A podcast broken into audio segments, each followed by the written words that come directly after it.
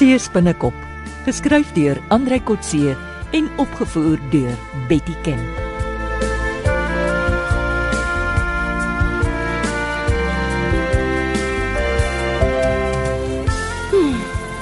Wynand. Mhm. Kyk net daai pragtige maan. Ja. Jou tannie se stoep het een van die beste uitsigte op Agallas. Veral op so 'n stil aand. Sê my, glo jy aan 'n perfekte dag? Wat bedoel jy? Dat as 'n dag goed begin, dinge gewoonlik reg deur die dag so verloop. Mm, nee, dit gebeur nie altyd nie. Ek glo daaraan. En ek gaan nou kyk of dit waar is. Hoe? Vandag was tot dusver 'n perfekte dag. Die weer was wonderlik. Ons planne om Bobby en sy bemanning te immobiliseer en aan te keer het glad verloop. Mm, behalwe te Fortuin met daai reuse reddingsboot daar opdaag. Weet jy, ek was eintlik baie bang. Maar selfs dit het te goed uitgewerk. Ja. eintlik was alles baie opwindend en ek het dit nogal geniet. Dit was een van die avontuurlikste dae van my lewe. Jy het vanmiddag gesê jy was trots op my. Ja. Jy het in elke krisis die regte ding gedoen en dit baie goed gedoen sonder om paniekerig te word. Dankie. Ehm um, kan ek nou maar toets of dit die perfekte dag is? Mhm. En uh hoe gaan jy dit doen? Mag ek jou soen? Ja, jy mag maar.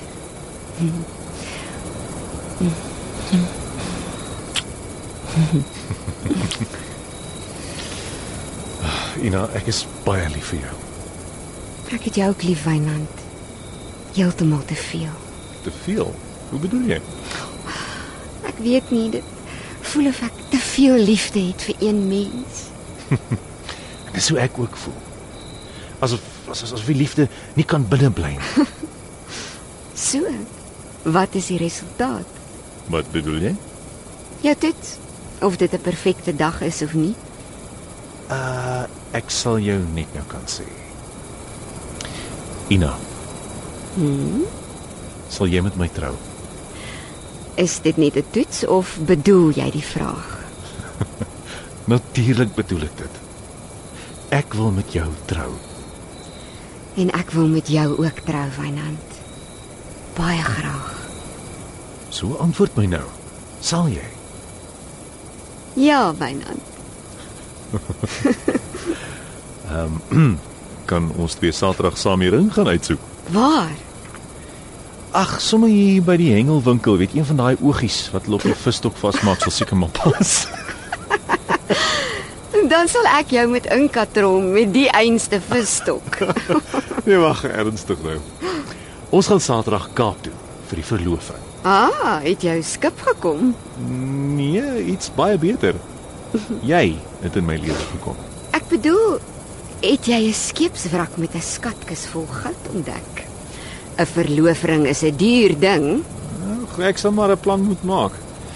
Miskien sommer by die ontvangsdame van die dokter se spreekkamer 'n klein leningkie gaan gaan, jy weet, daai oulike nuwe enetjie. Wat is haar naam nou weer? Wynand.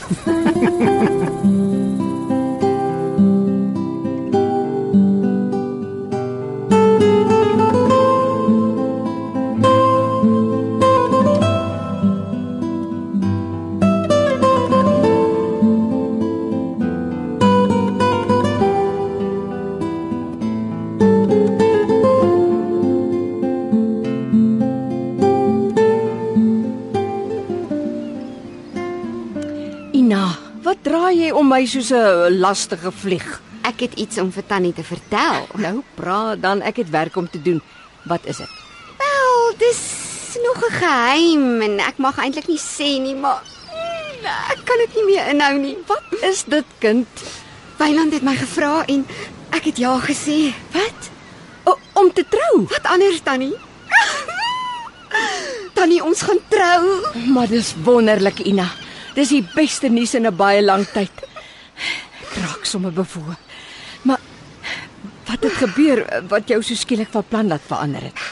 Ek het lankal geweet ek het hom lief. Ek wou dit net nie teenoor myself erken nie. En gister op die oop see het ek besef hy's die enigste man vir my. Geheimhouse. Voet. Vanaand hou ons partytjie. Nee asseblief, laat ek eers met Wynand praat. Ek moes eintlik nie vir Tannie gesê het nie. Ons wou eers Saterdag die ring gekoop het en ek het al klare belofte aan hom gebreek. Hm, Ek moet hom eers vra. Ek het in elk geval die mense van die Valke genooi om Johan se vryheid te kom vier. Ons hou dit net so. Dan maak ons later die aankondiging van julle verloving toevallig bekend as 'n verrassing.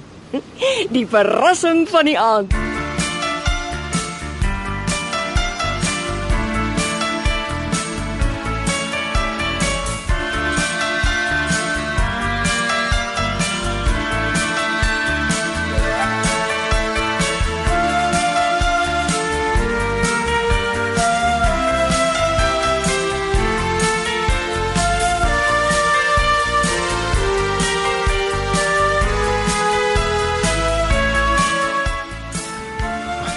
Wat lol jy met 'n vryheidspartytjie? Ek was net vir 'n paar ure in die tronk. En die huisarrest Johan Stein?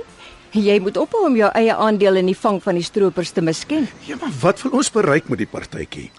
Wil jy die vakke se ondersoekbeamptes beïndruk? Nee, ek doen dit vir jou, nie vir hulle nie. Ekskuus. Oh, dankie. Uh, Ja, en van die vakke gepraat. Hulle is besig om verklaringe van getuies af te neem. Is dit waar dat al die jong stroopers skuld erken het? Ja. Fortuin en Bobby is uit op borgtog, maar die polisie hou die stroperduikers weg van hulle. Hoekom dan? Hulle sal die duikers so intimideer dat hulle nie teen die twee sal getuig nie. Jy is seker teleurgesteld omdat hulle beslag gelê het op Sumi se winkels in die Wildsplaas. Nooit. Hoekom? Ag, erken dit nou maar Johan. Sumi bly jou vriend. Jy het 'n spesiale onwettige ooreenkoms met hom aangegaan. Ek het die ooreenkoms nie net vir sy voordeel beding nie, maar vir al die skurke. Die ander wou net nie daarby bly nie. Dis deur jou toedoen dat Sumi skot vrykom van sy misdaad. Nee, wag 'n bietjie. Sumi het 'n fortuin verloor deur die verlies van sy plaas. Van Fortuin gepraat. Susan Fortuin en Bobby gaan in die tronk sit en hulle loopbane is daarmee heen.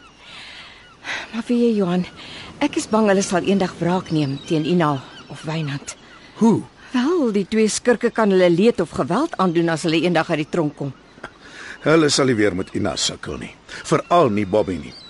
Fortuin, ja, hy's onvoorspelbaar. Ek hoop net hy sal lank sit.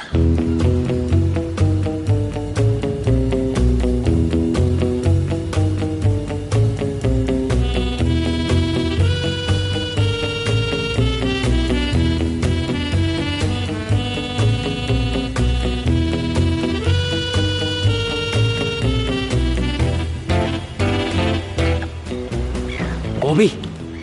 Daar op jou kop, Big Joe het ons borg betaal.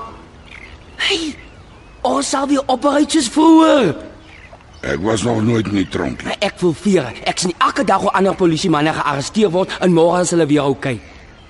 Hoekom moet Big Joe ons borg betaal? Ek weet nie. Hy het my laat weet hy wil my bo by die uitkykpunt op sy Louis pas sien. Vanaand net na donker. En hoekom het die valke nie aan Joe en sy eiendom gevat nie? Hy het weggekom. Ek gaan vanaand met Big Joe reël vir 'n nuwe kontrak om dekgras te lewer. Ons begin weer van voor af. Nou, uh, sê vir hom dankie vir die borggeld. Ek sal. En ek sal kom terugrapporteer aan jou. Dis die begin van 'n nuwe lewe, ou Bobby. Vir my en vir jou.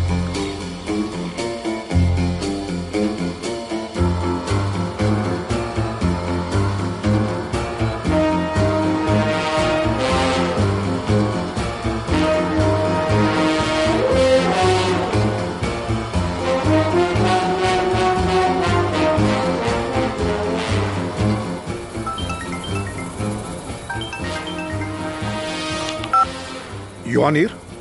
Hallo Johan. Sumi uit Taiwan. Uh, Sumi, ons het mos ooreengekom om nie weer met mekaar te praat nie. Ek weet. Ek skakel net om vir jou te sê ek is jammer dinge het so verloop. Ek het nooit 'n moord beplan nie. Maar niemand is mos dood nie. Nog nie. Wat bedoel jy? Daar is dinge wat jy nie sal verstaan nie. Soos wat? Ons Chinese is geweldig trots. Ons kan dit nie verduur om aansien te verloor nie. Jy het nie net aansien verloor nie, Sumi. Jy het alles in Suid-Afrika verloor. En dis jou eie skuld. Jy moet dit maar vat soos 'n man. Ek praat nie van my nie. Van wie dan? Ek gaan jou sê, maar jy moet niks doen om dit te keer nie. Jy moenie in die man se pad staan nie. Waarvan praat jy, Sumi? Big Joe gaan vir Fortuin doodmaak. Hoekom? Big Joe is baie lojaal teenoor my. Volgens ons tradisie moet die dienaar sorg dra dat die senior nie gesig verloor nie. nee nee nee, ek verstaan nie. Big Joe het ingestem tot die ooreenkoms wat ek en jy gemaak het. O, en toe gaan Fortuin en voeter alles op. Presies.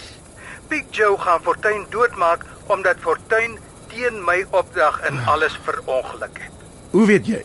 Joe het my gesê ek kan hom nie keer nie. Wat dalk kan ek? Hoeveel tyd het ons? Hoekom bel jy my? Ek wil nie hê jy moet my kwaadlik neem vir die moord nie. Nou wat wil jy hê moet ek sê of doen? Niks. Moet ook nie vir Fortuin waarsku nie. Dan maak hy dalk vir Joe eerste dood. Ek sal nie ek. Ek praat nie weer met hom nie. Verkieslik ook nie weer met jou nie. Nou maar goed. Ek wou net hê jy moet weet. Joe doen hierdie ding omdat hy dink hy skuld my dit. Ek het nie die opdrag gegee nie. Sumi. Jy is alleen wat die moord kan keer. As jy soveel invloed op Joe het, moet jy hom oortuig om dit nie te doen nie. Jy verstaan nie die Chinese se obsessie met aansien verloor nie. Hy sal nie na my luister nie. Maar ja, jy's reg, ek ek verstaan nie. Maar Joe gaan gevang word en van moord aangekla word. Ek dink hy aanvaar dit. Totsiens, Johan. Ja, totsiens Sumi.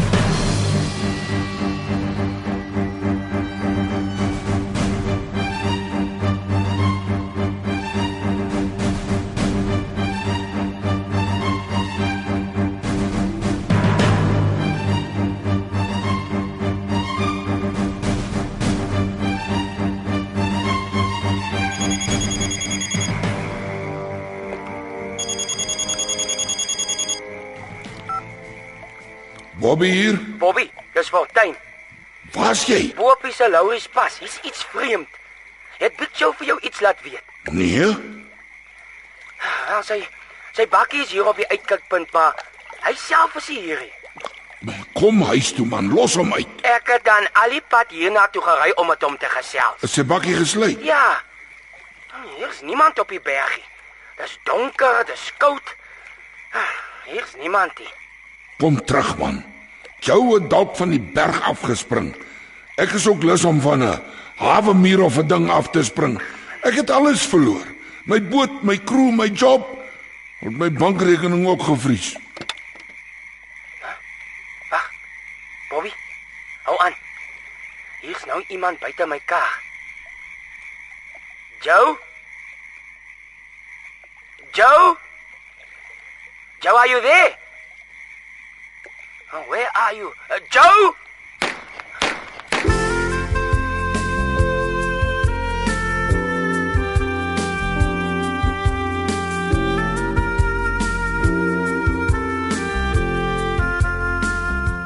Dit was Seespinnekop deur Andrei Kotse. Die tegniese en akoestiese versorging is deur Henry en Karen Gravett. Die regisseur is Betty Kemp.